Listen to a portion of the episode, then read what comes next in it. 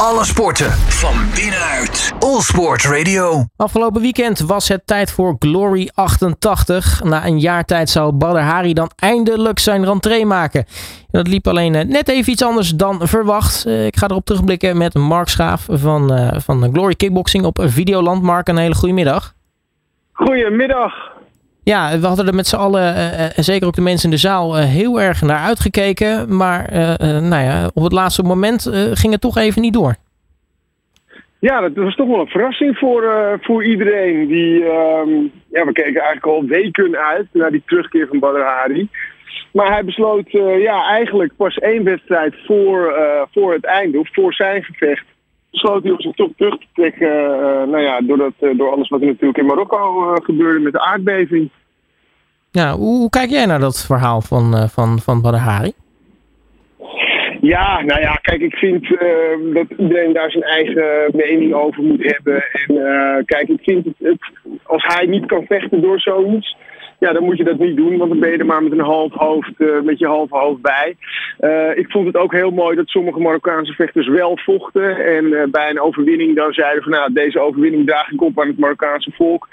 steun Marokko en doneer aan Marokko. Dus ik vind het heel moeilijk. het is gewoon een hele tragische gebeurtenis. Ja, en iedereen gaat daar op zijn eigen manier mee om. En ja, dat wat dan niet zegt is, is vooral teleurstellend, omdat je hem gewoon heel graag ziet vechten. Maar ik kan zijn keuze wel begrijpen. Nou, begrip inderdaad voor wel voor die keuze. Maar uh, de, uitvoering had, daar kun je het denk ik ook mee eens zijn, had wel wat beter gekund. Ik bedoel, de, aardbeving gebeurde natuurlijk ergens ver in, in de ochtend. hij had natuurlijk eigenlijk de hele dag de tijd om te zeggen van, nou, ik ga het toch niet doen in plaats van, nou ja, tien minuten van tevoren. Ja, zeker. Maar ja, dat is uh, uh, een beetje kenmerkend aan Badr Hari. Hè. Die, uh, die, die verrast eigenlijk altijd mensen met wel of niet opdagen, met keuzes die hij maakt. Um, kijk, ik begrijp dat het voor hem ook gewoon heel moeilijk is. De man verkoopt het hele stadion daaruit. er ligt heel veel druk op zijn schouders. En ik kan me echt wel voorstellen dat hij misschien wel, terwijl hij nou ja, daar was en alles voelde, dat hij toen dacht van ik doe het niet. Ja, en hij is dan gewoon een persoon die dan ook zegt: Oké, ik doe het dus gewoon ook echt niet. En ik ga niet voor uh, de bühne uh, denken: van nou ja, ik ben misschien een beetje te laat, uh, ik ga toch maar wel vechten.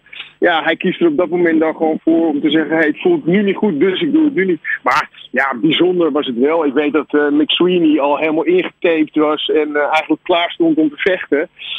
ja, en dan zie je Badr in zijn trainingsbroek in de ring staan of in zijn spijkerbroek. En dan, ja, de timing, ja goed. Ik denk dat de timing nooit goed is. Want als je het ochtends had gedaan, dan hadden misschien heel veel mensen niet eens daar naartoe gegaan. En dan hadden ze eigenlijk een heel mooi evenement niet gezien. Want los van dit was het wel een heel mooi evenement. Ja, daar uh, gaan we uh, zo meteen uitgebreid over praten. Uh, allereerst, ja, je zegt McSweeney natuurlijk al, die was al helemaal ingetaped. Wat was zijn reactie eigenlijk op het feit dat, dat het gevecht werd afgeblazen? Ja, hij toonde ook heel veel begrip. Hij had er wel hele dubbele gevoelens bij, omdat hij al heel lang met dit gevecht bezig was. Hij vertelde ons ook dat hij eigenlijk al bijna twee jaar met dit gevecht bezig was. Omdat hij ook in de voorbereiding met Alistair overheen, toen die tegen Badr Hari vocht, Alistair hielp. Dus hij zei, ja, ik heb me al twee jaar helemaal gefocust op dit gevecht.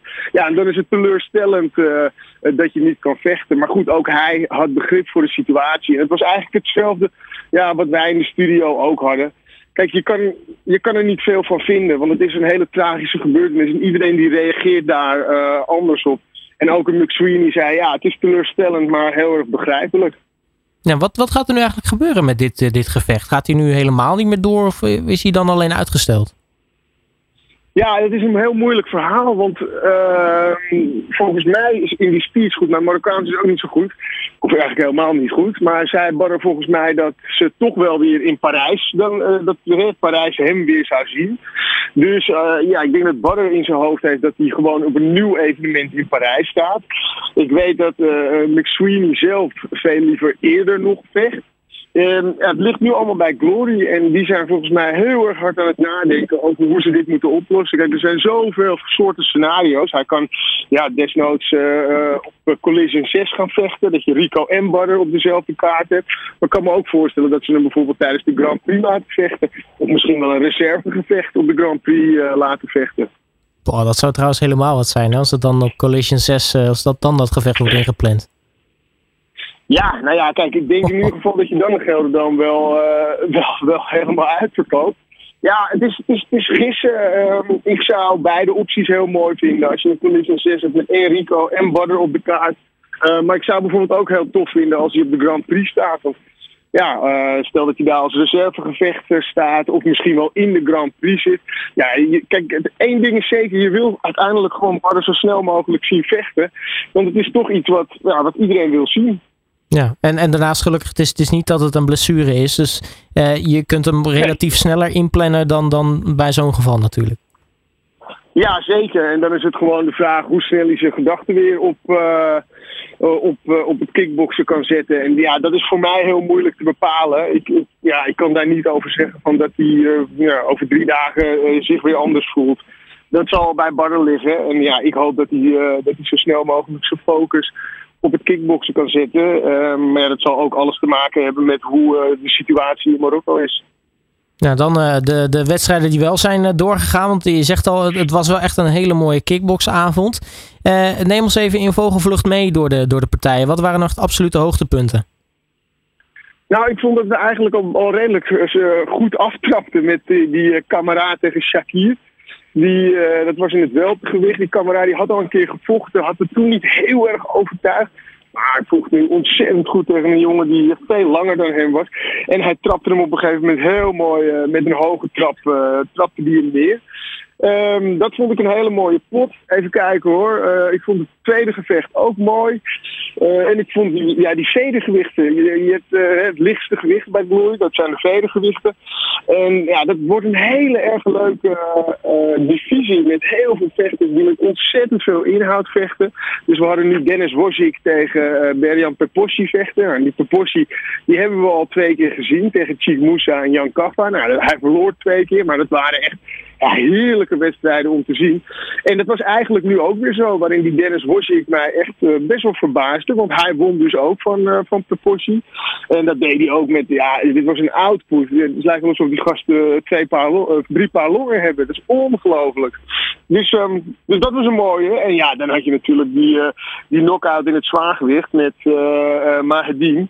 Die op een fenomenale wijze die Koulibaly neertrapt met een hoge trap tegen het hoofd. En daarna kregen we nog een toetje, want uh, de vrouwenpartij die eindigde eigenlijk ook zo met een schitterende hoge trap van uh, Tidney van Soest. Nou, hoe mooi is het dat, dat zij dan uitgerekend haar carrière afsluit met een, uh, met een, met een titel? Ja, dat was geweldig. Kijk, zij heeft een hele lange carrière gehad en zij is altijd aan de top geweest. Zij heeft bij Glory heeft ze ja, haar kryptonite zeg maar, uh, gehad. Dat was Anissa Maxon. Die was jarenlang kampioen en daar kon zij eigenlijk niet van winnen. Uh, dat deed ze toch uh, op het einde van haar carrière. En toen werd ze kampioen en toen heeft ze die belt ook niet meer afgegeven. En ja, ik moet zeggen, ik was een beetje huiverig, want ik vond haar vorige partij tegen Moesadak ontzettend saai. maar deze partij was spectaculair. Allebei de dames die gingen echt voor de KO.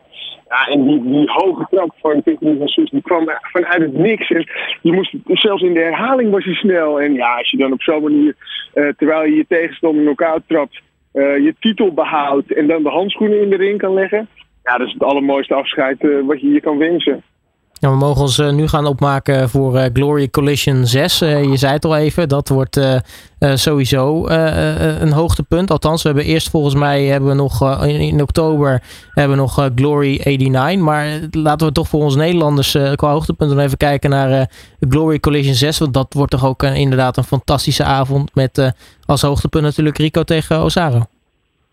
Ja, zeker. En ik hoor dat de kaartverkoop ook hartstikke goed gaat. Dus dat wordt in, de, in het Gelderdoom komen een prachtige avond. Wil ik nog wel weer terugkomen op 7 oktober. Want dan is Glory 89 inderdaad. En daar zien we toch ook best wel wat Nederlanders. Hè? Terpstra tegen Levi Richters. We zien uh, Tavares en Motusassi die zijn debuut maakt. Dus dat is ook wel een evenement ja, waarbij het lijkt dat het minder is. Maar daar staan hele mooie partijen op de kaart. En ja, Collision 6, dat wordt gewoon weer, uh, weer een toetje. Volgens mij gaat Abena voor de titel vechten uh, tegen Gebebes. En we zien eindelijk Rico weer, weer in actie. Die na zijn blessure moet gaan zien of hij van Cookie Ozaro gaat winnen. En het is wel leuk hoe dichter die partij naar, naar, naar, ons toe komt. Hoe meer ik kans ik Ozaro geef. Want die is ontzettend zeker van zichzelf. Ja, het is een gozer van 2 meter zoveel, 120 kilo. Ja, die wordt steeds zekerder. En ja, toch Rico die van zijn blessure terugkomt. Ik zie hem veel Instagram filmpjes maken over dat hij nu eindelijk zonder shirt durft te trainen of eindelijk zijn lichaam laat zien. Ja, dat geeft mij niet echt een soort van ik denk, nou, er staat een zeker kampioen die uh, die, die pot eigenlijk binnen gaat halen. Dus het wordt, het wordt denk ik hartstikke spannend. Nou ja, natuurlijk gaan we dus ook uh, Nederland zien tijdens uh, Glory 89. Maar ja, dat is dan natuurlijk weer aan de andere kant van Europa, in, in Bulgarije.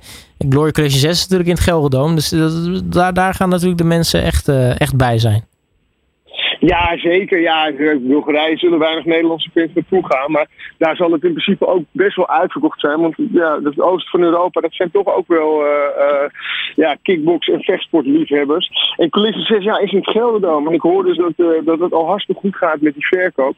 Dus dat wordt gewoon weer, ja, dat wordt weer gewoon een, een extatische omgeving. Ik, ik hou ervan. Wij gaan waarschijnlijk met de studio ook gewoon in, in het Gelderdoom staan. Ja, en dat zijn toch wel de kersen op de taart.